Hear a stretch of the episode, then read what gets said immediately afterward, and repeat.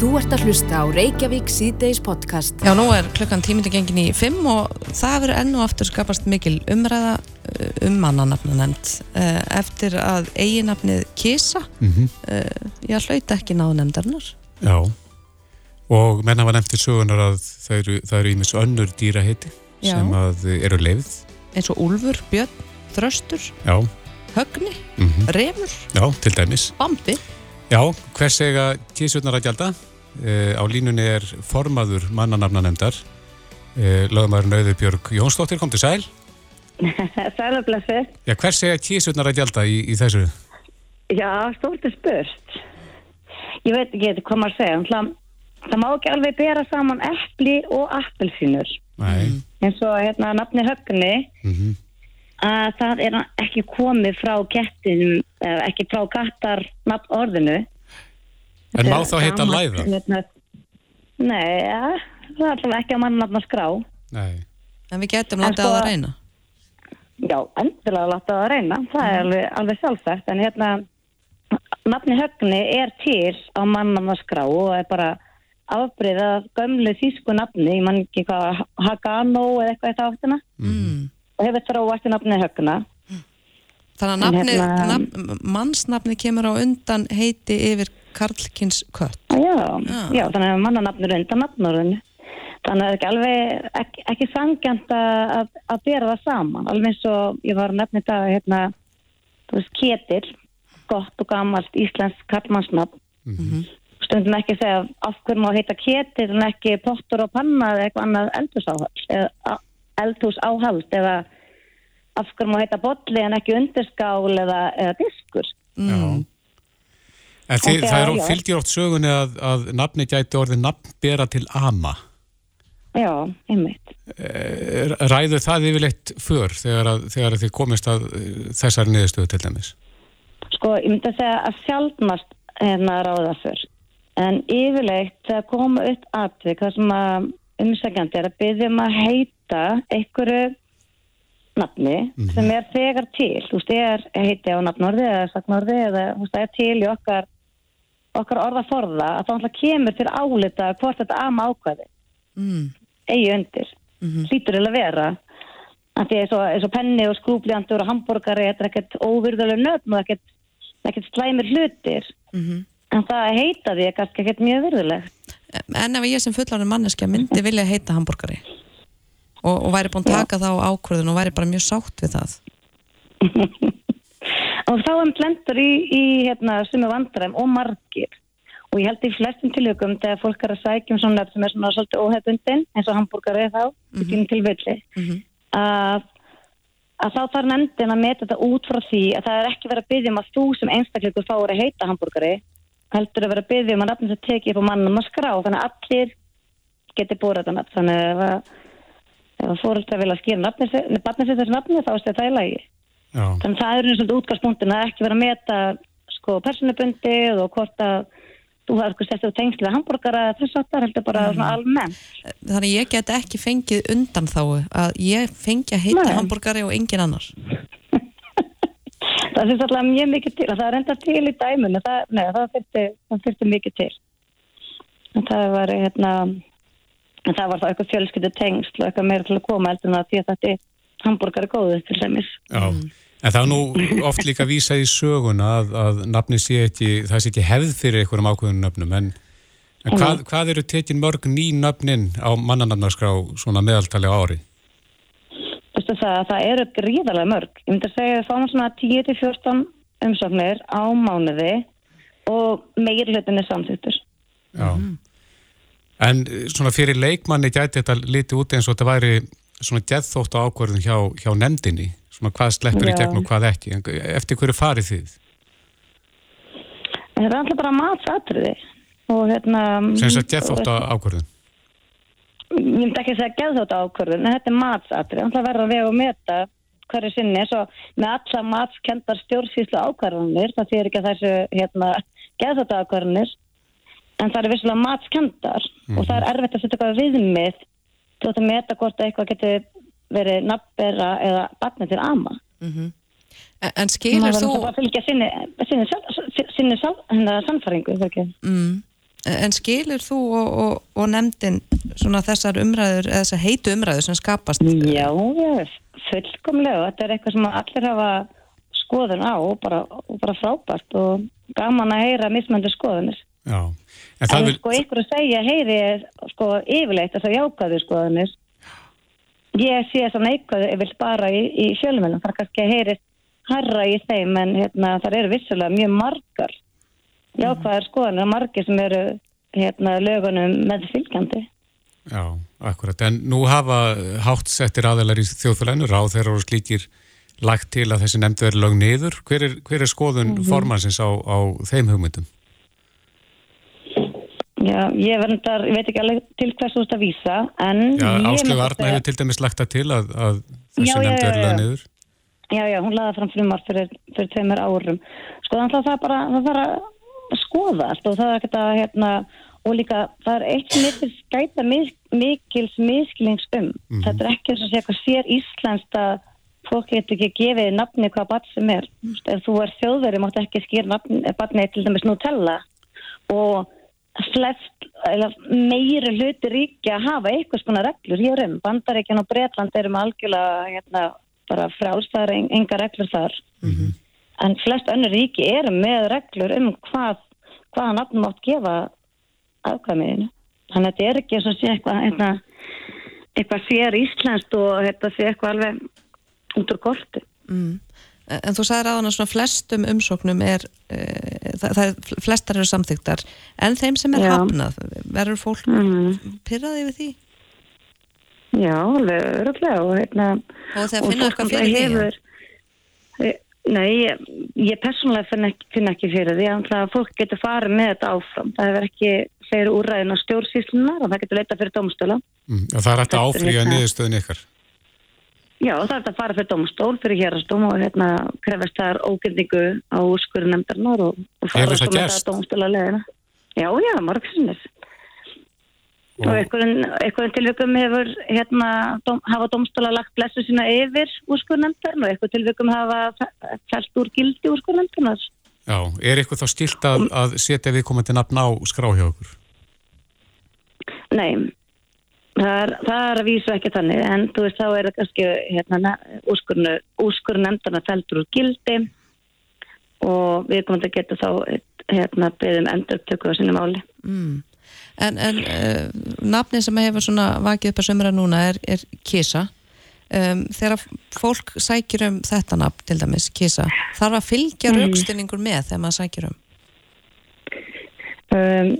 Sko, ég vil ekki tjá með eitthvað einstakt mál og ég er ekki að tala um það þegar ég segja þetta, en það er þegar þú byður um breytingu á nafni eða byður um nafn á mannamnarská sem ætlar að gefa barninu þínu mm -hmm. að þá er, þetta er bara staðilega eðiblað þar sem er gert ráð fyrir það, já, þú getur raukstuð og það getur skipt mála raukstuð eins og þú var að segja á hann, þú veist, ef þú vilt endilega heita hambúrgari út eitthvað sérstaklega ástafðu en það getur bara undantekkan tilvika að bara að, að það getur orðið þess að það skiptir máli. Mm -hmm. Við fara að lítast betur og betur á þetta nafn, hambúrgari Já. Ég elskar hambúrgari Já, þú mátt búast um svo Já. Á morgun. Já, hugsaðlega En, en getur við sagt að, að þetta orð kísi er þá pari við til dæmis kvutti eða hóhó eða memi? Já, ég er ekki að segja ég, Mér finnst að sko, þetta er alltaf gæluna og það tengi allir við og heyru orði kísa þá er þetta bara með, kemur ákveð myndi í hugaðinn mm -hmm. alveg eins og, ég myndi á, hóhó eða belja eða hestur og hundur mm -hmm. Og, og það er, er hefð fyrir því að við heitum hérna, að mönnum sem gefin að dýr hérna, eins og fuggla mm -hmm. því þið nefndi það áðan hann að lóa og hérna Svanur og þröstur og... Mm, já, ah, já. En uh, ég velti fyrir mig að taki þið eftir einhverjum svona tískursveiflum eða, eða, eða er eitthvað sem búin mjög fyrirferða mikið í dægurmenningu að þá kom inn á bótið likar umsóknum eitthvað sérstaklega nafn Mm, já, ég tók eftir því þegar byrjaði hérna, að gjósa mm. hérna á Reykjavíkskán þá komið mm. alls konar bara mjög fallega og skemmtilega Mannst eftir ykkur? Og... Kvika? Hæ?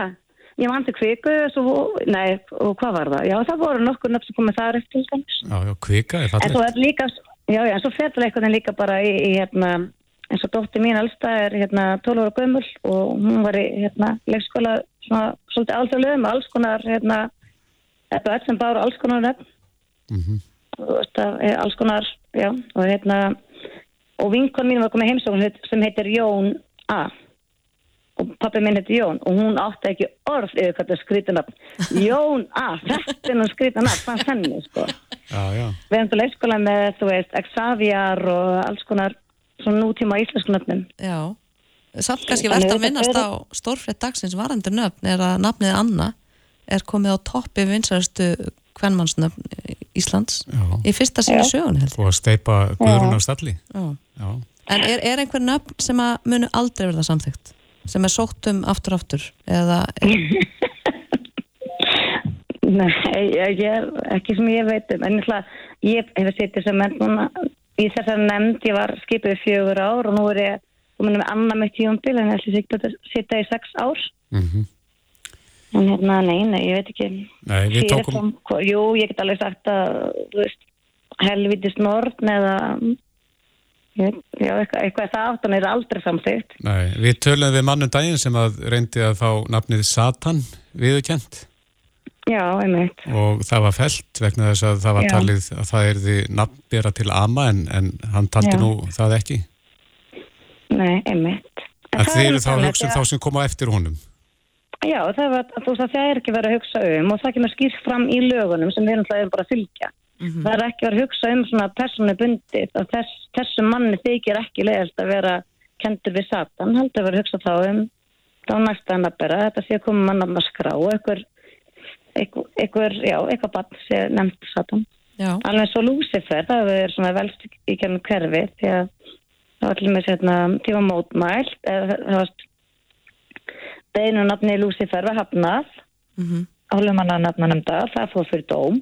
Og hér að feldi dóman nafnanemndar úr gildi og við komandi bara um endur upptöku og þá var þið aftur sinja og þá að þeim grundalli að það geti verið hann til ama. Já, það er hér sem ég var með í huga hérna áðan en ekki Satan. Það er svona, já, við já, já, já, Það er svona svipa En hann sagði það við okkur á þeim tíma að þetta nafn þýðir ljósberi, já, Já, það er fallegt.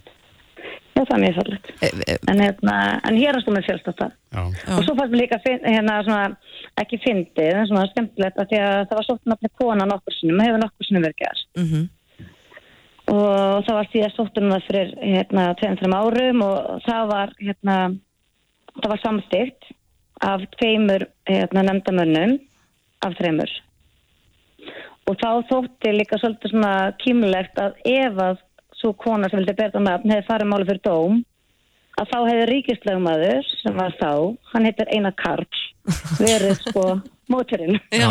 akkurat. Þannig, er að, bara, já, þannig að mannafn nefnd átt eiginlega ekki séns í konu nei, ég veit ekki Er þetta ekki, ekki skemmtileg vinna auður? Jú, jú, það er allt gaman, ég má bara, eða ekki, maður tekur bara, tekur lífinu bara með björnsinu og jákvæðinu og það er allt gaman. Já, það er gott að heyra. En Auður Björg Jónsdóttir, lagmaður og formaður mannanafna nefndar, við getum talað um þetta í allan dag en látum þetta döga sinni. Kæra þætti fyrir spjallið. Ekki máli. Bless, bless. Takk, takk, bæ.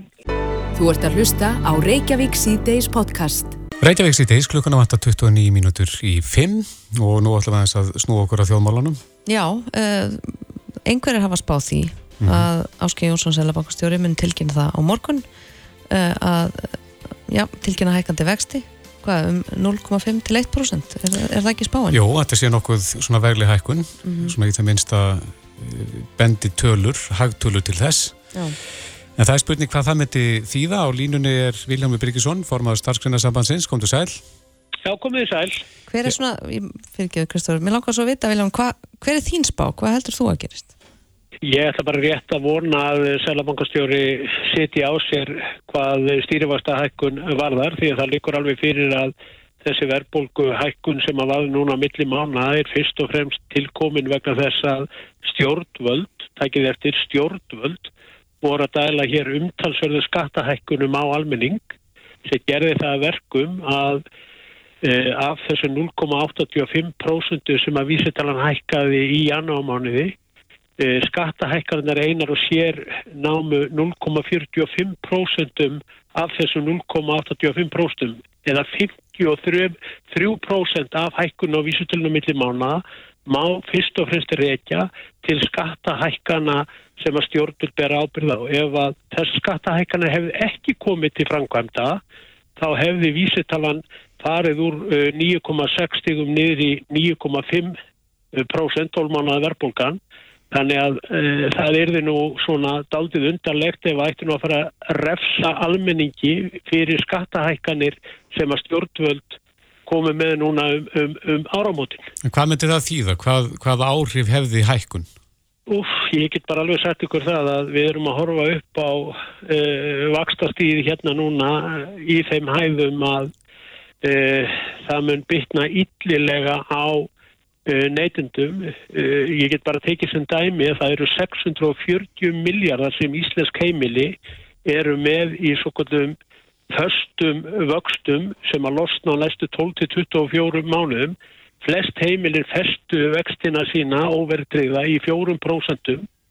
Eh, núna eru lægstu óvertriðu fastir vextir 7,6% og bara til að setja þetta í einfalt dæmi að heimili sem er með 45 miljónar lán er að borga í dag 150.000 í vakstabyrði en miða við þá vexti sem að núna standið til bóða er það komið upp í 285.000 og þetta er hækkun sem nefnur 135.000 á mánuði tækið eftir. Mm -hmm. Þannig að, að þegar að þessi lán munu losna þá mun uh, uh verða hér alveg gríðalegt högg á heimilin og ég segi bara sko hvað stjórnvöldum og sælabankanum og annars líkt að þegar þessi þúsundir heimila munu fá þessa vakstahækun á sig e, þá mun eitthvað undanláta svo mikið er vitt. En hvernig slærða þið þá Viljálmur þegar að stjórnmálamenn talum að við þurfum bara eða minna og þá e, náum við tökum á verðbólgunni? Veruleika fyrring e, stjórnmálamanna er algjör að mér finnst. Við skulum heldur ekki gleyma því að íslensk fyrirtæki og takkið eftir, þetta eru nýjustu tölur frá hagstofunni, þau skulda 5.400 miljardar sem þýðir það að 1% vaksta hækkun e, þýða auknar e, e, aukin fjármáskostna fyrir fyrirtækinu upp á 54 miljardar sem er litlu minna heldur að kosta að ganga frá kjærasamningum á hennum almenna vinnumarkaði núna fyrir stjemstu. Þannig að þú vilt meina þá að það sé ekkert mikið sveirum fyrir launahækanir?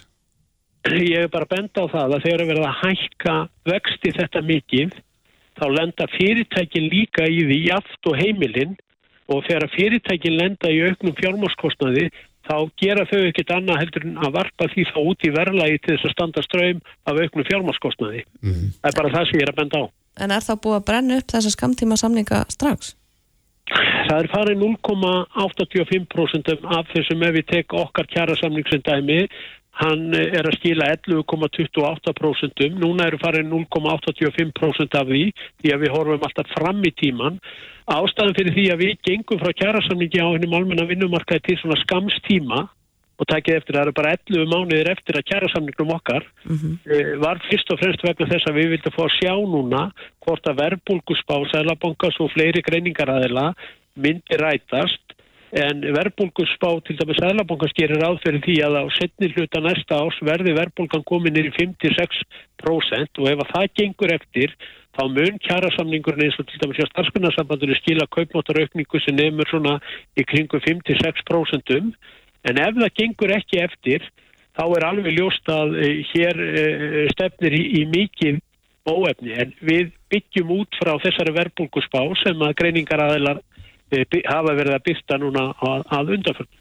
Já, aðeins yfir í annað en samt kannski þessu tengt, það er grein eða skoðanapistill sem að byrtist inn á vísi.is í gær og hefur verið mest lesni pistillin sem að byr fyrirsögnin að verðtryggðu launin mín Þú kannast við þennan pistil? Ég kannast við hann, ég múið þess að hann og kynna mér hann. Já, þarna er Róbert Björnsson okkur sem hefur starfað og, og búið í, í Luxemburg síðustu 11 ár uh, og segir hér í upphafi pistilsins að hann hafi búið við ímis framati forréttindi eins og efnagslega stöðuleik og fyrirsjánleika en hann nefnir þarna nokkuð merkilega hlut og segir hérna vegna stríðsáttakan í Úkrænu þá hefur verðbólk og hækkandi orkuverð ógna stöðuleikonum í Luxemburg eins og við annar staðar En hann lýsið því líka að þá hafi komið saman E, í fyrra vor ríkistjórnin Hagsmunarsamtök Atunlífsins og stjættafélagin fundaði í sjö klukkutíma og komið síðan út af fundi með sex atriði sem hann tilgrinni þarna eins og til dæmis verðtrygging launa, álugur á bensin, dísil og hitunóli voru lakkaðar um 7,5 cent eða 12 krónur á lítirinn. Númið þrjú, það var sett orkuverð til heimil á fyrirtækja. Fjögur, virðisökkarskattu var lakkaður niður í 16% sem er hæsta þrepp. Númer 5 húsalegu samninga voru fristir út árið og allar hækkanir bannaðar e, og númer 6 sértækur skattaafsláttu fyrir tekjulagstu hópana að anduri háls miljards evra eða 70 miljardar króna og segir síðan hér ekkert er yfirildi, ekkert vesin og leiðindi, bara gengi frá málunum kviss, bam, búm. Akkur geta þjóður eins og Luxemburgar gert svona en, en allt logar hér í deilum á Íslandi? Þetta er feikilega góð spurning og ég vil eiginlega uh, segja það að þetta tókst okkur eiginlega árið 2019. Þá mm. gengum við frá svona, það voru reynda 42 atriði sem við vorum með þar undir og þar var aðgerðarpakki til stuðningsskjærasamningnum metin á 80 miljardar og stór hluti af þeim 80 miljardum fóru til e, tekjulagstu hópan og, og millitekjuhópana í ymsum e, hérna atriði sem við vorum með. Stæðstamáli þar var til dæmis að, að stöðla hér að því að vextir myndu lækka og takið eftir 2019 voru vextir stýrivextir 4,5% mm -hmm. þeir fóru alveg nýri 0,75% sem gerir það verkum að rástunatekjur sko jökust hér gríðarlega hjá stórum hópi fólks. Og ég tek alveg undir það hérna með ykkur sem þið segið af hverju er ekki hægt að gera þetta hér er, við gáttum það 2019 okkur hefur ekki tekist það núna við getum bara tekið einfalt dæmi fjármálar á þeirra blés algjörlega á það þegar við, vorum að berjast fyrir því að álögur á bensín er við lækkaðar til að mæta hækkandi eldsneitisverði. Hann sló það algjörlega út á borðinu í, í, í fyrra Stjórnvöld var líka algjörlega hafna því að uh, setja hér svo kallað leiguþag til vendar leyendum sem er gríðala stort og mikið hagsmunamál. Og tekja eftir þannig í Luxemburg þá er bara leigusamninga fristur út árið. Mm -hmm. frist út árið ekkert einasta vandamál. Og þannig er líka mjög sterkur punktur sem er sjötti punkturinn í þessari greinans að sem að tekur sérstökur skattaafsláttu fyrir tekjulegstu hópana að sjálfsögðu, sjálfsögðu á þetta bara einfallega að vera þannig að þegar svona ástand ríkir eins og ríkir íslensku samfélagi núna þá eiga hagsmun aðilar að geta komið saman eitt þess vegna nokkrum dögum í það að, að móta svona tilugur og, og, og, og uh, leggja þær, þær fram meðan annars til þess að slá skjaldborg hér utanum heimili og þeirra sem, uh, sem höllustu fætti standa í íslensku samfélagi. Allt sem þarf er, er kjarkur vilji og þór en því miður að þá hefur við fyrst fundist stjórnvöldu ekki vera tilbúin til þess að fara í þessa vefð. En, en það er samt líka áhugavert í þessum skoðanpistli að hann bendur á að verðbólgan í Lúsamburg er komið niður í 4,8% þannig að það virðist sem svo að þessi framsýni og þessar aðgerðir hafi svo sannlega virkað. Já, það er nú einn punkturinn en ég er endar fórin í nýjustu samræmdu vísutölu neistuvels þar sem að allar Evrópu þjóðuna mæla vísutöluna nákvæmlega eins og það er nýjasta talan sem byrtist núna í desember inn á hagstofunni. Þar er verðbólgan í Luxemburg 6,2% en á Íslandi er hún 7,2%. Hún er 6,2% í, í Luxemburg en 7,2% á Íslandi og tækið eftir. Af hverju er íslenska verðbólgan svona miklu miklu herri heldun í öðrum löndum? Þetta hef ég rætt í þessum þætti og ykkur áður. Það er vegna þess að við erum að mæla hana með öðrum hætti heldur en allar aðra þjóðir. Við erum með svo kallar reiknaða húsalegu sem að er í raun og verið ekkit annað heldur en hækkun á fastegnaverði þegar fastegnaverði hækkar að þá mælist það mjög hátt inn í okkar vísitölu. Það er engin önnu þjóð að mæla þetta eins og við og hverjir eru það sem að þetta bitnar mest á. Það er til dæmis leyendur eh, vegna þess að allir húsalegu eru vísitölu tryggður og skulle taka bara síðustu tól mánuði. Einstaklingur sem var með húsalegu på 250.000 krónur fyrir tól mánuði síðan húsalegan hjá honum hefur hækkað um 24.000 krónur á mánuði bara út af hækkun á neysluvístölunni. Mm -hmm. Ef að við myndum gera þetta eins og hinnar Evropaþjóðarnar, hvernig væri þá staðan hér? Þá, þá væri verðbólgan ekki 9,9% eins og hann er í dag, heldur 7,2% og það munar um minna. Hverjir eru það sem græða á því uh, að uh, mæla þetta með þessum hætti? Jú, það eru fjármannsegundur og það eru þessir aðeins sem að geta verið með vísutölu treyða e, leigusamninga uh, og þetta er aldrei svona magnað að, að fylgjast með þessu. Þú getur í raun og veru verðtrykt allt. Þú getur verðtrykt húsalegu samninga bara með því að vera kannski skamtíma húsalegu í nokkra mánuði en ef að almennt launafólk allar að verðtrykja sparifjörsitt þá þarf þetta að geima og, og hérna vera tilbúin til að binda það fjármagn í þrjú ár. Mm -hmm. Þú netur ekki verðtrykt sparifjörðitt nema að að binda það í þrjú ár og í, í þessu fælst mikið óréttlæti einverjum vegna þess að þeir sem að bara almennt launafólk hefur engin, engin, engin tök á því að binda sparifjörðsitt í þrjú ár. Það eru bara þeir sem eiga mikla penningar sem hafa e, e, tök á því. En ef þú ert með húsalegu samning, þá getur þú vísitölu tryggt hann þó að það skipti engum máli þó að þú setja að gera kannski húsalegu samning í þrjá mánuði eða sex mánuði. Mm -hmm. Já, Viljónum, við byrjum ná á því að ræða við því um mögulega stýrifagstækkun á morgun en er eitthvað sem að þú vilt segja við selabankastjóra áður en að við setjum punktinn?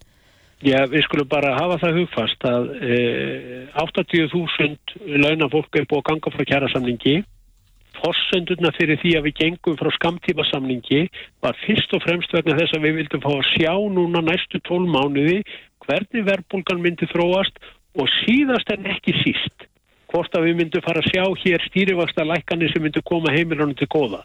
Ef að, að Sælabankin ætlar að fara í öfu átt og ef að verðbólgan ætlar að fara í öfu átt þá gef ég, sko, þá, þá, þá segir bara Guð, sko, hjálp í Íslandi.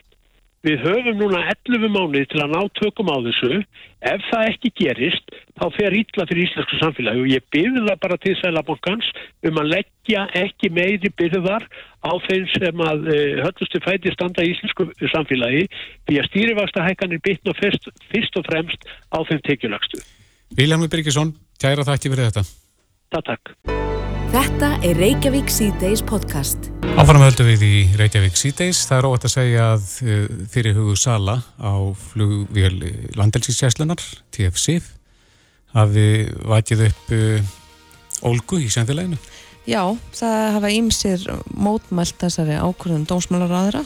Það er að meðal Björn Bjarnarsson fyrir hann dómsmálaráðara. Segir þetta megi bara reynlega ekki. Já, hristur hausinni við þessu. Hann var dómsmálaráðara þegar vélina var tekinn nótkunna sínum tíma. Mm -hmm.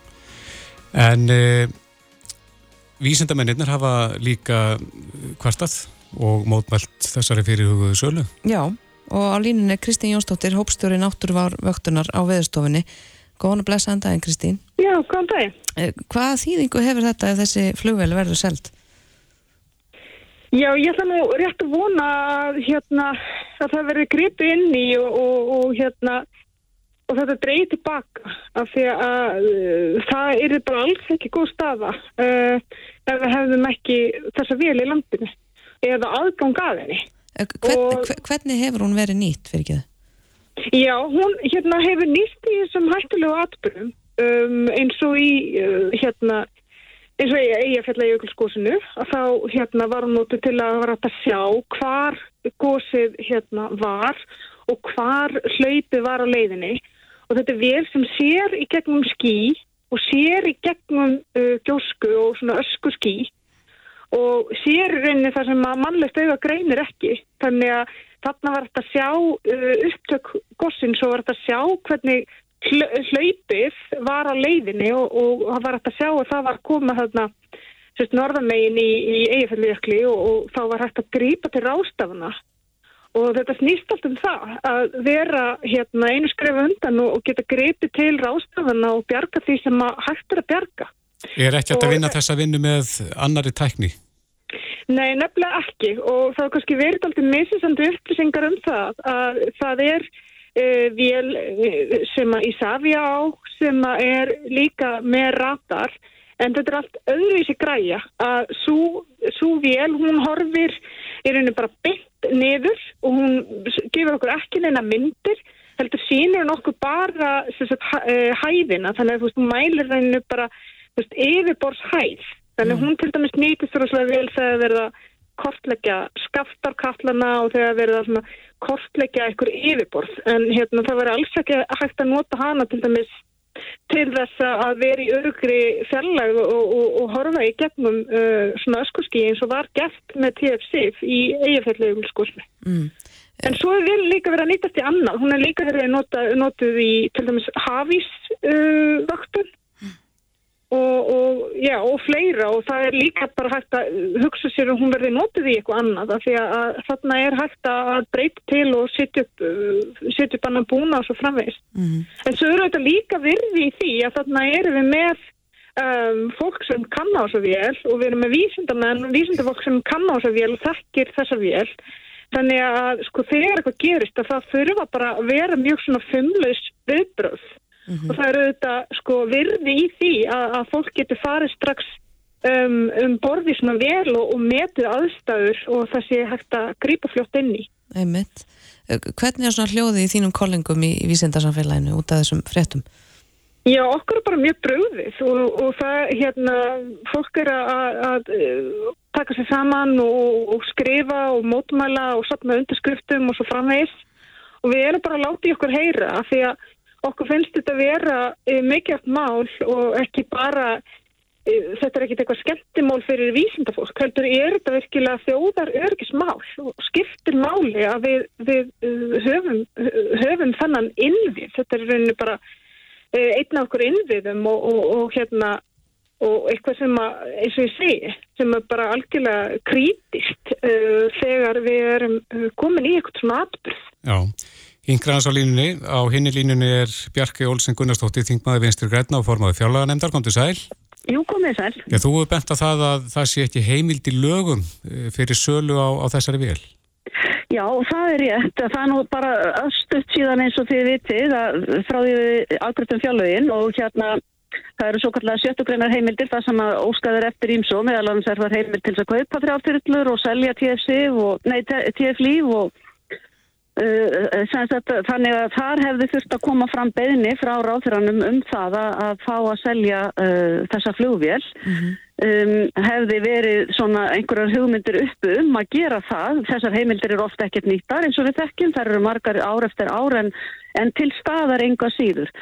Þannig að ráþæra þarf að, eins og hann svo sem sagði uh, á alþingi dag, þarf að afla uh, heimildar alþingis til þess að meiða selja þessa vél og ég get nú kannski ekki alveg heilt í augnablikkina það sem mikil, mikil stemning fyrir því en það sem kannski okkur í fjárlega nefnd held ég geti tala fyrir okkur að finnst óþægilegt. Við höfum alveg vitað af því að vélinn hefur verið leið til fróttis og, og nýst mikið erlendis og veitt hérna, tekjur til gæslunar en það breytir því ekki að, að það er allt annar hlutur heldur en að ætla að selja hana Mm -hmm. og þar af leiðandi uh, eins og uh, Kristín rakti hérna áðan missa hana úr öllu því hlutverki sem að hún er að sinna nú þegar og við, mena, við erum, þurfum líka að skoða og spyrja ráþerra í fyrramáli þegar hann kemur okkar fund hvað verður um þessar skildur okkar Schengen samstarfinu til dæmis til landamæraeftilits og, og fleiri samningar sem við erum með þarna undir og, og hérna og þurfum að þurfum vantalega uppfylla? Uh, ráðanætti hefur nú byrst á síðu, heimasíðu sinni upplýsingar núna um þessi samskipti sem hafa átt, átt sér stað. Um, en það enga síður þá situm að svona uppi með það að þetta er stór ákvörðun sem að þarf að fara í gegnum alþingi, þú þarf að vita uh, ef að þetta á að gerast, hvað tekur við og hversu langan tíma og hvernig og også framvegis. Þannig að svona í þessari atrennu að þá er ég bara alls ekki að sjá að þetta geti gengið svona að óbreyttu. En auðvitað við fáum nánar upplýsingar í fyrirmáli, við hittum bæði, bæði hérna ráþæran og eins hittum við uh, landverkiskessluna. Mm -hmm. Þannig að þá getum við kannski mynda okkur svona eða hvað sé, fengi skýrari mynd á, á þetta allt saman. Er það semst rétt skilja hjá mér að þessi hugmynd dómsmálaráður hefur ekkert verið viðruð fyrir en bara Nei, núna? Ekki, sko, hann auðvitað uh, kynnti þetta með einhverjum, með, minnisbladi í, í ríkistjórn núna á dögunum en það er engin umræða í sjálfu sem farið fram um að þetta sem ég var að segja. Uh, ef að við hyggjumst gera þetta, hvað tekur þá við? Nei. Uh, hvernig ætlum við þá að sinna því sem við höfum verið að sinna eins og Kristi nefndi allt þetta sem að tilheri náttúruvá og, og öryggismálum Íslands, þjóðöryggismálum og annað slíkt þannig að það er svona kannski það sem að mér finnst að við þurfum að, að fá svör við áður en að við getum eh, tekið einhverja uh, ákvarðanir Já. um það hvort að heimild verði En þetta snýst um að tryggja rekstur vélarinnar uh, og það hefur greinlega ekki tekist. Nú er þú formaði já. fjárlaganemndar, er þetta ekki eitthvað á ykkar könnu að, að sjá til þess að það setja að reka slíka vél? Jú, það eru beðinirnar koma frá dómsmálaráðanitinu um uh, forgang á sínum fjármunum og, og hérna það eru það sem við tökum til umfjöldunar í fjárlaganemnd og við veittum um 600 miljónum uh, millir annar og þriði umræði fjárlaga núna og uh, meðal annars held ég að hafi nú verið eirðnamestar 140 miljónir í tækjabúnað í þessa tiltaknu vél Þannig að hérna, okkur var minnst að kosti ekki kunnugt um að staðan væri með þessum hætti að, að endar næði ekki saman og það fyrsti að, að hérna, grípa til einhverja drastískara ráða. Mm -hmm. Þá hefðu við vantalega hort einhvern veginn öðru sér máli og eins og ég segja tekið þetta samtal um það. Uh, er þetta það sem við þurfum að gera eða er það eitthvað annað? Mm -hmm. Er þetta bara fjármunir eða er, er einhver önnur atriði sem við þurfum að fara í gegnum og það munum við sem að gera kannski já, bæða morgun og svo hugsanlega eitthvað í framhaldinu? Einmitt. Hvernig er fundur á morgun? Þegar fundurum verður halv nýju fyrir á móli, þá mætir ráðfæra til okkar og uh, klukkutíma setna mætir landhelgiskefla. Mm -hmm. Þannig að það fá allir að koma sínu sjónamiðum á framfæri? Já, já, og ég hef líka viðra það að, að, hérna, að það sé kannski Uh, líka skinsamlegt að, fá uh, veður, uh, segja, þá sem að sinna náttúruva og, og öðru, öðrum slík sem að kemur þetta bara beinlýs við Já, fullur um vísindarsamfélagsins eins og Kristina já, já. já, til okkar á fund og, og, og fá minnisblöðum um svona um þeirra nálgun á þetta og hvað þetta myndi þýða. Ég held að það getur skipt miklu máli líka bara í þeirra ákvörðum sem við kannski stöndum fram með fyrir því að það er á þeirra segist alltaf sækjum þetta í gegnum fjárakalög sem að eins og við þekkjum eru eru eh, gætnan á, hverju fjalla ári en þá fyrir þetta upplýsingar ítarlega upplýsingar að leika fyrir. Mm -hmm. En Bjarki, Kristín ennú hérna á henni lína nú gætir í rauninu bara bóðin á fundin í beinu útsöndinu. Já, ég ætla nú hérna, eins og gætnan gerist að þá röðum við þessu nú saman eh, hérna, í, fjárlaganemdin hvernig, hvernig við sjáum það fyrir okkur hver, hvaða gestur mæta og, og eftir hverju við óskum líka því það eru þetta líka það kannski við þurfum að setja sig yfir það hvað, hvað er það sem við viljum fá nákvæmlega upplýsingum. Já, við heyrum það að hún verður allavega ekki seld þegjand og hljóðalust. Nei, það held ég sé alveg óhætt að tólka það þannig. Já, Bjarki Olsen Gunnarsdóttir, formadur fjárlaga nefndar og Kristín Jónsdóttir, hópstjóri náttúru og vöktunar á viðstofunni. Takk fyrir þetta. Kæra, takk. Þetta er Reykjavík C-Days podcast.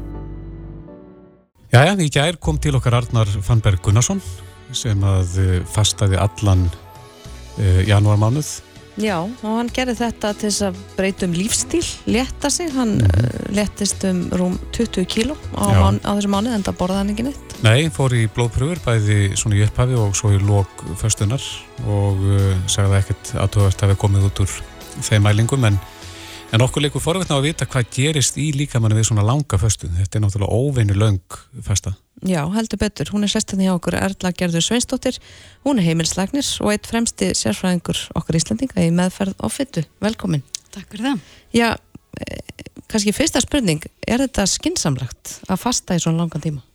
Ekki út frá heilsufarslegu sjónum eða nei og mér langar að byrja að taka fram að ég hef ekki fylst með þessum einstaklingi og, og hérna þannig ég veit ekki um hans sögu en, en, en eh, horfum á þetta bara út frá því sem maður þekkir almennt um líka mann og hvernig hann bregst við föstu mm -hmm. en þetta er, sko kerfin okkar eru þannig gerð og þau eru búin að þróa sér í miljónir ára til þess að geta brugðist við föstu og brugðist við hungursnið mm -hmm.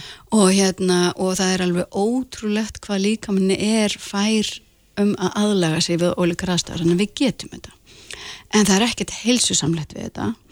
Og sérstaklega er þetta ekki gott fyrir þingdarstjórnunarkerfin okkar sem að uh, verða eftir þessa uh, hérna, eftir þetta tímabil. Miklu verðstödd og líka minn er búin að stilla sig uh, þannig að hann, hann þarf að fitna mjög hrætt á eftir og, hérna, og þannig að, að, að þingdarstjórnin er miklu miklu erfiðar eftir svona tímabil. Heldur líka með þá í allt sem hann fær eftir svona föstu? Sko það sem hann gerir, hann, hann, hérna, hann breytir mörgum kerfum, meðal annars öllum svengdóru setti stjórnunarkerfunum sínum, hann breytir grunnbrennslun sinni, hann, hann lækkar hana og, og, hérna, og eitt sem hann gerir að, að hérna, hann gengur meira á vöðva vef heldur en fytu vef við svona aðstæður því að vöðvarnir eru miklu dýrari í rekstri. Og ef að það er skortur þá gengur það fyrst að þá. Þannig að við komum til einstaklingur er miklu rýrari eftir svona veðvalega, og þar með grunnbrennslan meðlans miklu læri þannig að núna uh, hérna, og það pluss það að kerfin eru stilt á að sapna og varðveita uh, orkuna að þá fer hlutastlega miklu meira inn í fytuvefin og grunnbrennslan er læri þannig að viðkomandi fytnar miklu hraðar eftir. Og svo er eitt í viðbót að það er ákveð stýrikerfi sem að, að svona þingdar viðmjönakerfi í heilanum.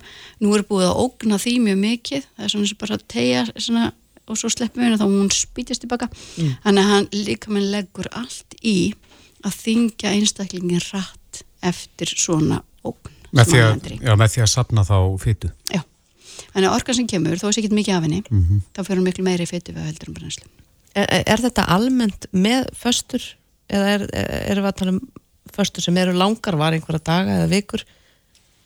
Sko, málega með föstur, það er, eru mjög merkilegt fyrirbæri og, og það til náttúrulega alveg óskaplega margar útgáfraðum og, og hérna eftir að koma þess að sem að kalla þeir tímabönnar eða intermittent fösturnar að hérna að þá lærum við það að, að, að, að það að borða ekki frá kvöldmönd fram að mótnið heitir vist intermittent fasta 12-12 sem var kannski bara venjulegt sem er sko eðlert mataræði en minna sendu þarf þetta að heita eitthvað það er bara allt í læg en þannig að ég hef tröll að trú á því að borða í samrami við kerfin okkur líkans klukkuna. Þannig að um leiðu við setjum allt í gang að þá þurfum orgu og um leiðu við nálgust kvildina þá á að stoppa orgu induguna þannig að þetta er í rauninni í grunninn fyrir flesta borða fór sem morgumatinn á tvo tíma eftir að vakna og hætta borðar hérna nokkur klukktíma maður að fara svo og hérna, ég hef aldrei tengt það neitt við föstu sérstaklega en, en þetta er bara svona eðlilegu rithmi.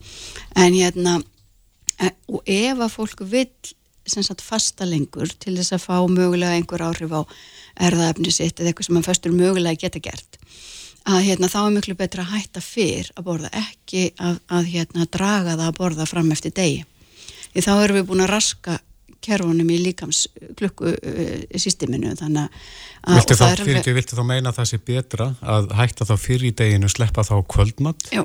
frekar heldur en að sleppa morgumatt Já mm. Mm. en, en, en næringarlega séur ekkert vist að sé vola gálega að sleppa kvöldmatnum sko þannig að hérna, það bara fyrir öttir í hvað er maður að horfa á og þegar að sko að til alveg óskaplega mikið rannsóknum á föstum og, og það er að sína fram á árangur á mjög marga vegu.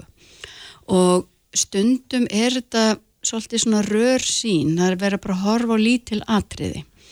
Og hérna og, uh, en þegar maður horfið síðan á heldamindina þá, þá er þetta allt, allt annað sem við sjáum. Og ég segi stundum að einstaklingu sem er algjörlega heilbriður með öll kerfi e, í jafnvægi og með landastengtastjórnum kerfin og, og allt þetta hann getur bóðið líkamanninu sínum alveg óskaplega margt og meðal annars alls konar tegundur af föstum og, og, og, og hérna líka mann höndlar það og það gerist ekkit e, agalegt við það. Mm -hmm. En síðan eru mjög margir sem eru með þessi kerfi mjög á varbergi og þau eru fljóta bregðast við.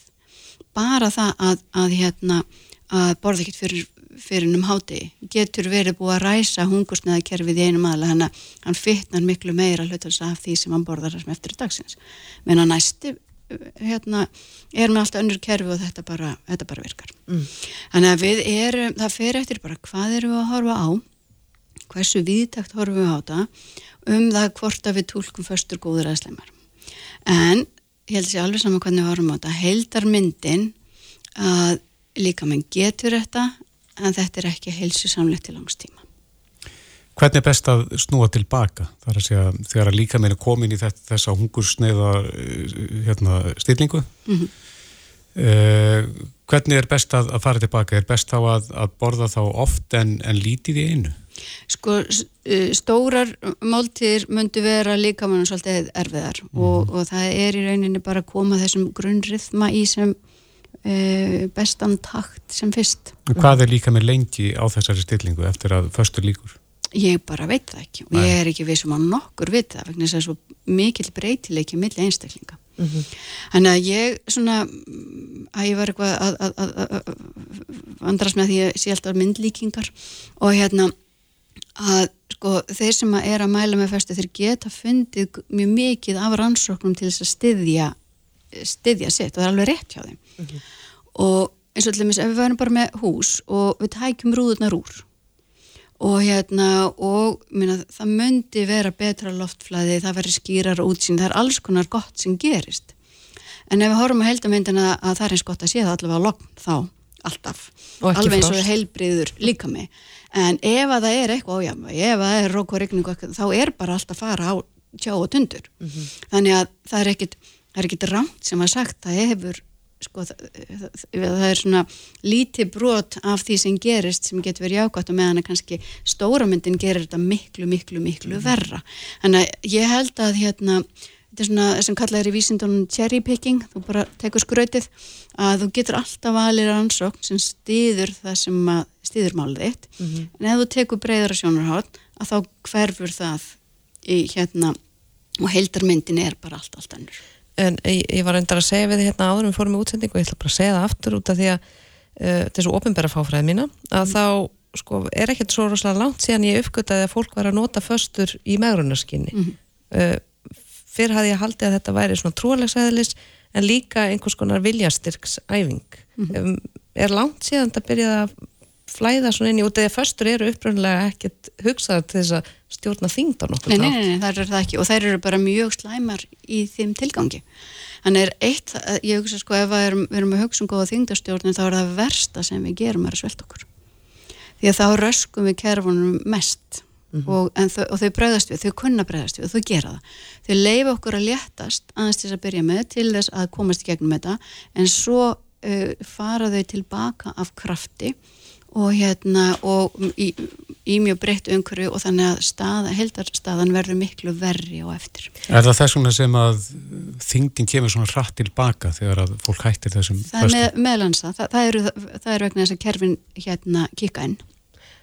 Mér, mér langar líka að spyrja út af því að uh, förstur verðist vera eitthvað sem fólk notar til þess að svona reynsa líkamann eða núlstilla sig eða eitthvað svo leiðis. Mm. Hvernig ætti maður þá að núlstilla líkamann eða reynsa sig eða, já.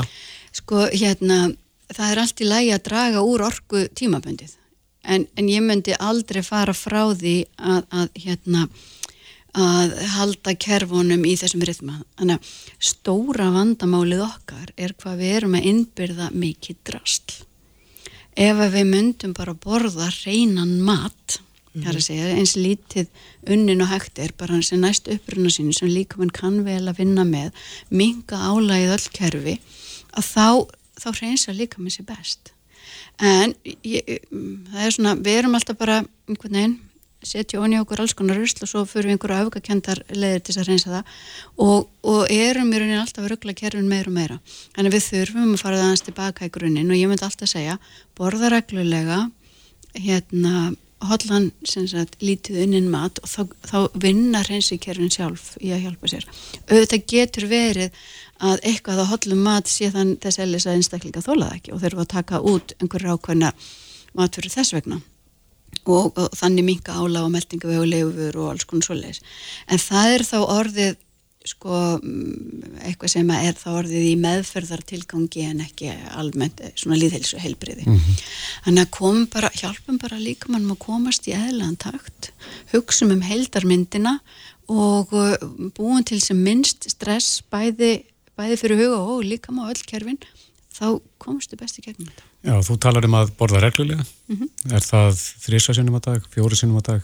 Er það að tala um morgumat, hátegismat, kaffi og kvöldmat? Sko, e, sumir einstaklingar e, ná, ná alveg sinni næringar þar með tveimur góðum máltum. Aðri ná það ekki. Mm -hmm. og, og, hérna, og, og lang flestir þurfa þrjár. E, sumir fjórar þannig að það er mjög mismunandi og, og, og náttúrulega líka hérna mikilvægt náttúrulega hvað, hvað ertir innihaldi í máltíðanum en ég til dæmis ég fylgi mm, tölvert bara prótein þarfur líkamanns og hérna við þurfum svona bara hérna setjum þummelpöttareglunar við þurfum um það byrja 1 gram af próteinu per kíló líkamstunga mm -hmm. og við, við getum ekki nýtt sem prótein meira svona 30 gram úr máltíð. Þannig að ef við erum 60 kíló undir þá getum við náð þessu úr tömurgóða máltíð ef við erum, erum nálgast 90 kíló þá verðum við að bæta þriðju við til að bara ná grunnprótein þörfinni og svo náttúrulega fjölgarðin þar eftir. Þannig að þetta er ein reglandi sem miða við uh, en, en, en það er hægt að horfa þetta eins og föstunar út frá mjög mörgum sjónamiðum og, og hérna auðvitað viljum við ekki alltaf vera að setja kerfið undir ála en að nart og svo leiðis er hérna, jáfnvel þó sko hitæningar séu undir öllum mm, stöðlum og allt þetta. Nart er ekkit gott fyrir okkur en þannig að fá reglulegar góðar hollar máltíðir er það besta og það er mismunandi milli einstaklinga hvað það þurfa að vera margar Heimið það. Erla Gerður Sveinsdóttir, heimilislegnir og sérfræðingur í meðferð og fyttu. Takk kærlega fyrir spjallið. Reykjavík síðdeis á Bilginni podcast.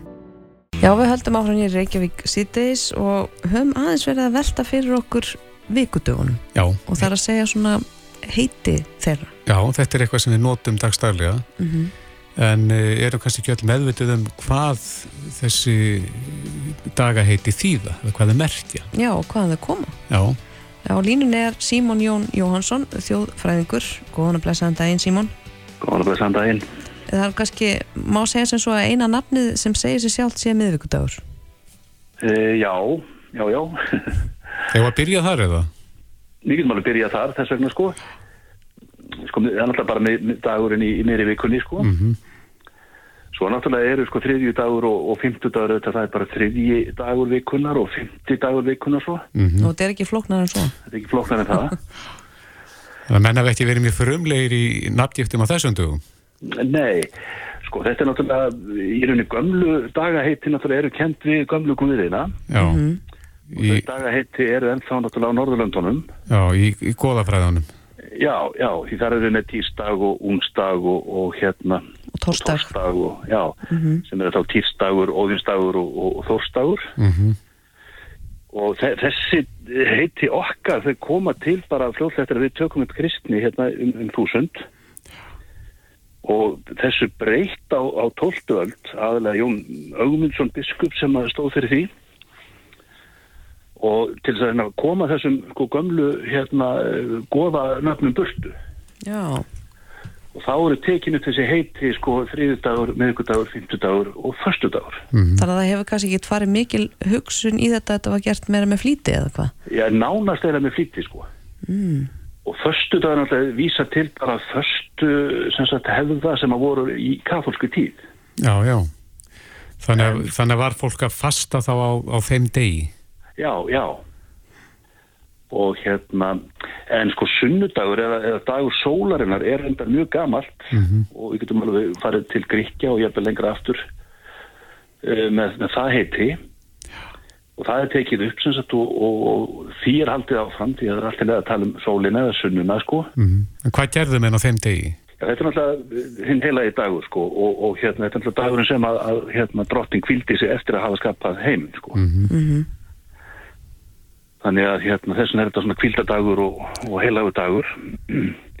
Svo kemur mánudagurinn og hann er kemdur bara við, við mánan eða tunglið. Mm. Á mánin það á er eftir líka- sólu. Já, já, það er líka gamalt, gamalt heiti sko. Og svo er þessi dagur hérna laugadagurinn þegar menn að fyrir að taka bað og, og hérna sjæna sér til fyrir kvildadaginn Já. og hérna og það er líka semst eldra heiti. Við gætum þá kannski bara lifað eftir allavega föstudegi, lögudegi og sundegi það er örgulega ekki villust að fasta á föstudegi fyrir átök helgarinnar sko. Nákvæmlega. Já, Og taka svo gott bað á lögadegi. Já, Já, sig já. til og kvíla sig á sundegi Já, já, já, algjörlega sko. Svo náttúrulega eru sko þessi dagar eru misgóðir eh, eftir í af hverju þeir eru dregnir, til dæmis er mánudagar ekki taldir góðir. Uh, af því þeir náttúrulega eru dagar mánans og mánin er náttúrulega hérna óhella gripur. Mm Þetta er náttúrulega sól sko þeirra sem að stunda myrkraverkin. Já. Var það þessuna sem að var- sagt var mánudagur til mæðu? Já, ég hugsa það, hugsa það. Og svo er þetta reynda sko fyrsti dagur í vinnuvíkunar og því leiti náttúrulega leiðinda dagur Mm og ef maður skoðar biblíuna þá er sko þegar Guð er að skapa heimina þá þegar hann er búin að skapa mánudaginn, fyrsta daginn að þá segir hann ekkit um það en þegar hann er búin að skapa þriðjudaginn þá lýsir hann yfir velþóknum sinni á því sem hann hafi gert ah. Þannig að mánudagurinn er eini dagurinn sem hann lýsir ekki yfir velþóknum sinni á. Já, já. Þannig að við ættum eiginlega bara að sleppa mándegi Já, þessu, þessu tókum við eftir í gamla dag og og þess vegna hlaut sko mánudagarna verið eitthvað verið en aðri dagar. Sko. Já, en að því ég nefndi hérna á mánudagur til mæðu, svo kemur hvað þriðjudagur til þrautar, Þriðjudagur til, já, eða þrifa, til þrifa, mm, já, svo kemur miðgudagur til moldar, já, fymtudagur til frama eða fræðar, aha, föstudagur til fjár og lögadagur til lukku. og sunnudagur til sælu. Já, sunnudagur til sælu. En hvaðan kemur þetta allt saman? Sko þetta er náttúrulega bara, það er ómælt um það að segja sko. Mm. Þetta er bara svona gömul hérna þjótrúarvísa sko um, um, um sem sagt eiginleika dagana. Já. Uh, ég velti fyrir mér einu símón út af því að vissulega mándagur er fyrsti dag vikunar og, og mörgum erfiður, margir sem tilkynna sig inn veika og mándagum stundum uh, en svo hafa ímsa rannsóknir sínt að fólk upplifi það að þriðjudagur sé versti dagur vikunar hefur eitthvað að skoða það? Nei, og sko, ég er nefnir að þetta bara í, í þjótrún og hjátrúna, sko, þá, þá passa það nú ekki, sko. Nei. En það getur vel verið að, að sem sé alltaf að byrja einn dag og svo komið næsti dag og þá sé hann erfiðar í fólki, sko. Ég, svona í raunveruleikanum, sko. Já, þegar þeir sem ringdu sín veika á mánudegi þurfa loksins að mæti vinnuna. Já, fyrsti dagur þeirra Já. Já, einmitt Akkurat. Já, já, þetta er áhugavert og ég held að, að margir einmitt nefni þessa daga án þess að vita kannski og spá í hvaðan eh, nöfnin eru komin. Já, já, algjörlega, sko. Já, já aðteglivert. Símón Jón Jóhansson, þjóðfræðingur, takk fyrir að fara yfir þetta með okkur og kæra þakki fyrir spjallið. Bara takk sem leiðis. Bless, bless. Bless, bless. Reykjavík síðdeis á Bilginni podcast. Já, við ætlum næst að snú okkur að sjónum. mm Uh, Það er verið að sína á stöð 2 uh, og stöð 2 plus þætti sem heita Ice Cold Cats Já, sem, sem er úr smiðju Discovery. Já, sem hafa vakið mikla lukku bæði hér heima á Erlendis. Að sérst verða fylgjast með fólki frá, frá Breitland og Bandaríkjunum sem, sem að vinna ekki við sjómennsku Mm sem ráða sér vinna á íslenskum línubátum. Já, og þetta eru tveir bátar sem er rátt undir. mm Annar þeirra er eh, Páll Jónsson, GK og stipstjórin þar um borð, Benedikt Páll Jónsson, er komin til okkar, velkomin. Já, þakka þið fyrir. Ja, Takk fyrir að hafa mig. það, er, uh, það er búið að taka upp alla þættina það ekki? Jú, þeir voru teknir allir upp í fyrravetur, sérsveit. Þetta byrjaði í byrjun oktober, ég mann rétt, fyrir höst. Hvernig kom þetta til? Er hvernig fréttið þú af þessu fyrst? Sko, þetta var nú eiginlega þannig bara að, að við vorum kallaðar á fund og- hjá útgerðinni og, og það sem okkur var tjáð hvað var í, í, í að fara að gerast Já, og svona auðvitað fengum við að ráða því hvort við tækjum þátt eða ekki en, en hérna, það var svona ætlast til þess að við tækjum þátt og var stemning fyrir því strax? Já, já, það, menn voru bara spenntir og, og hérna, já, já, það er, þetta er eitthvað svona nýtt og mikið uppbrót fyrir okkur, Mhm. sjómennina. En, en hvernig er að fá svona tvær manneskjur eh, eða þú, þú varði eina mannesku Já, það var, e, það var stúlka Keitlin frá Breitlandi sem kom til okkar. Og hvernig er að fá algjörlega óreinda mannesku inn í þetta starf?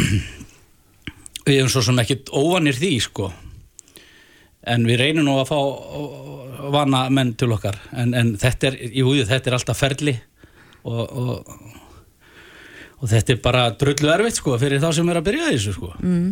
Ég verða að spyrja það út að maður þekki rýmsa sem hafa farið á sjó svona í stýttir tímabil og þá hafa maður nú yfirleitt heyrt að þeir sem koma svona nýjir inn á, á skip að það sé eitthvað svona verið að rekja og, og svo leis Já, það var, já, já, sjálfsagt hefur það verið mikið hér áður fyrir og eitthvað örlar að því ennþá, en, en, en sko, þetta er svo ljúi strákar hjá okkur, við bara tókum henni opnum örmum og, og þeir strákarnir á dekkinu, þetta eru bara úrvalsmannskapur og þeir gerðu bara allt til þess að gera henni lífið léttara og, og, hérna, og leiðbenninni og kenninni, Mm. en auðvitað, auðvitað uh, var lagt upp með að hún yrði áhafna meðlimur, þannig að henni var ekkit hlýft heldur sko. Var hún snögg að komast upp á lægið eða það sem að þurfti að gera? Sumt var hún bara skratti hérna fljóta ná sko. Já. En þetta, já, þetta er bara erfitt starf og, og þetta tekur langa tíma og, og, og hún hefði kannski ekki alveg þessa líkanlegu burði sem það þarf í þetta sko en, en það er, er heldur með fæsta sko sem koma. Þó að það séu stráka, maður hefur séu sko stóra öfluga hlunga sko gefast upp mikið fyrir heldur en hún, hún eiginlega konsolti áfram á því að hún hafði rétta attitútu í þetta. Mm. hún var bara alveg grjóthörð og var ákveðin í að standa sig og, og, og það er sko oft horfum maður á það líka sko. Ef, að- ef að viljin er fyrir hendi og, og, og svona ákveðinni að þá þá hérna flýtur fólk langt á því. Já, gefa þessi þættir uh, raunsanna lýsing á því sem, uh, hvernig lífið er um borð. Já, algjörlega. Ég myndi segja það. Já, það er ekki búið að við, við, við þetta eða- ákvöðum það í upphafi og við tjáðum þeim það þarna hjá Discovery og, og, og, og þeir, þeir eiginlega sko ætluðust til þess líka sko að þetta er þið bara eins nálægt raunveruleikanum að hægt er sko. Mhm. En, en að hafa, hvað það er vantarlega eitthvað tökulið sem fylgir þessari Ég voru tveir tökum en allan tíman þau voru fjóra mánuðum borð. Er það ekki tröflandi? að- Jú, jú, alveg gríðarlega. Ég var alveg búin að nóga þeim en restina sko. Já, eru, Eða eru sko að vélarnar með myndavíl onni kokkin á þér alla daga allan tíman? Allan er, er tímann, alltaf verið að rúlla? alltaf verið að rúla Já, já. En voru myndavilar, voru þeir bara með myndavilarnir eða voru þar festar upp? eh, Sko það voru staðar? festar upp vélar viðsjöðar um skipið það, ég held að það hafi verið þrjár eða fjórar vélar bara svona staðfastar í, í brunni hjá mér, bara í brunni hjá mér sko. Mm. og svo tveir tökumenn sem að og ég hef nú eiginlega að gefa þeim það þessum tökumennu, þetta eru algjör nagla sko, þetta voru reyndar þessi tökumenn sem voru hjá okkur og voru sem sagt, tvö teimi, skiptust á. Að vera sko, voru ekki, alla, ekki sama fólki allan tíman og það er á, á meðal voru, voru tvær stelpur sem voru í, í tökuteiminu þetta var alveg bara gallhart lið sko.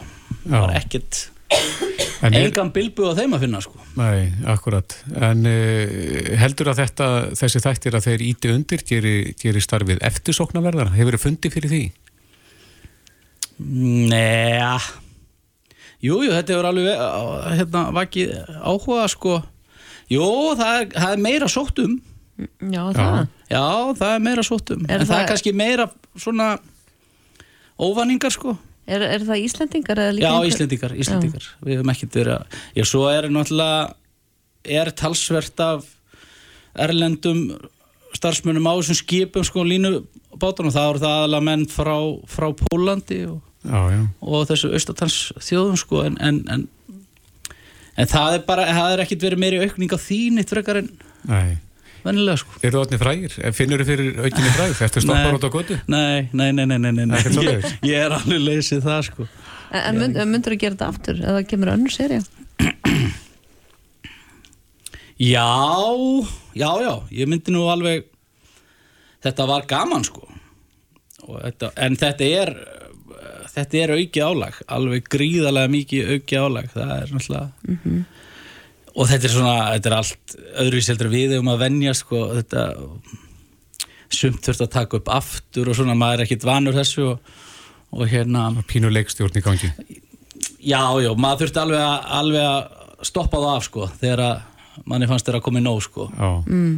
og hérna Þú er ekkert orðið var um þig með allar þessar myndavilar eitthvað farið að haga Jú, öðru jú, sig jú, jú, maður er svona maður reyndi nú að passa sig að vera ekki að hérna þú veist klóra sér raskat framan í vilna en, en, en jú, maður er alveg með þetta um að maður var alltaf í mynd. Mhm.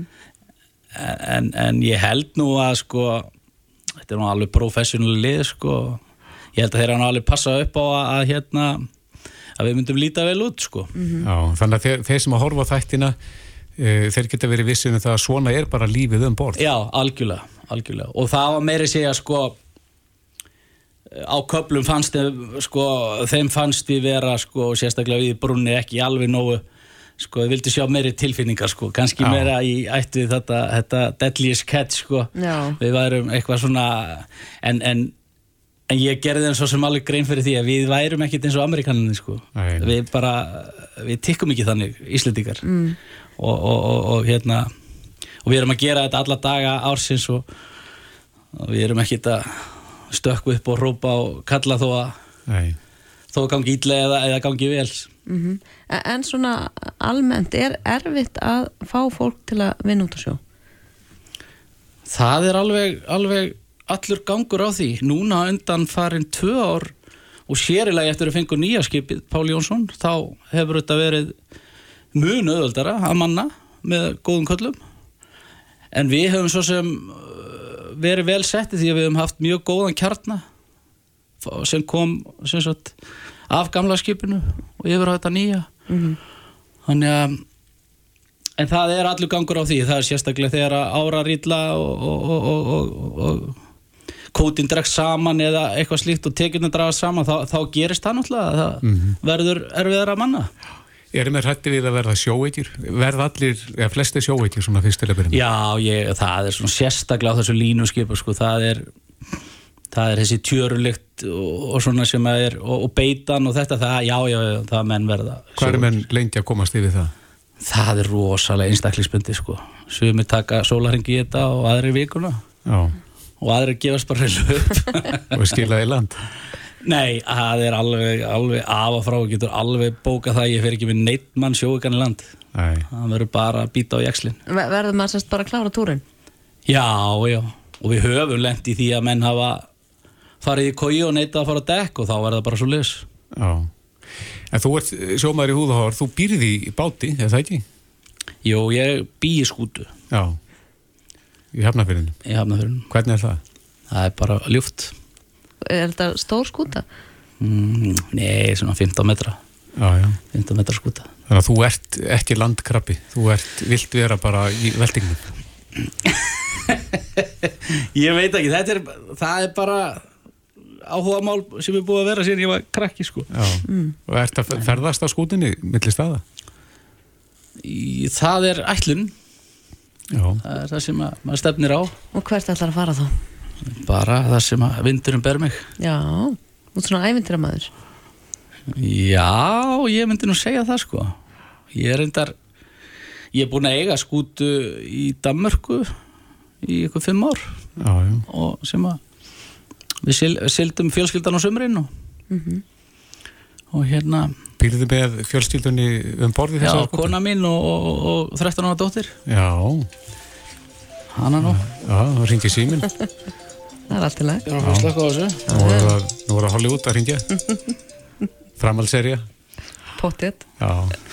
Já, er það gaman að heyra. Þú ert hérna, þú ert eins og menn segja og sletta aðeins all-in í þessu. Já, já, já, ég er nú búin að vera á sjó síðan ég var uh, krakki bara, ég byrja að- að að- svona fljótlega eftir fermingu að að að- að hérna fara til sjós Mhm. Og svo bara í framhaldinu því alveg bara full, full time sko Já. Hvað er það sem heillar?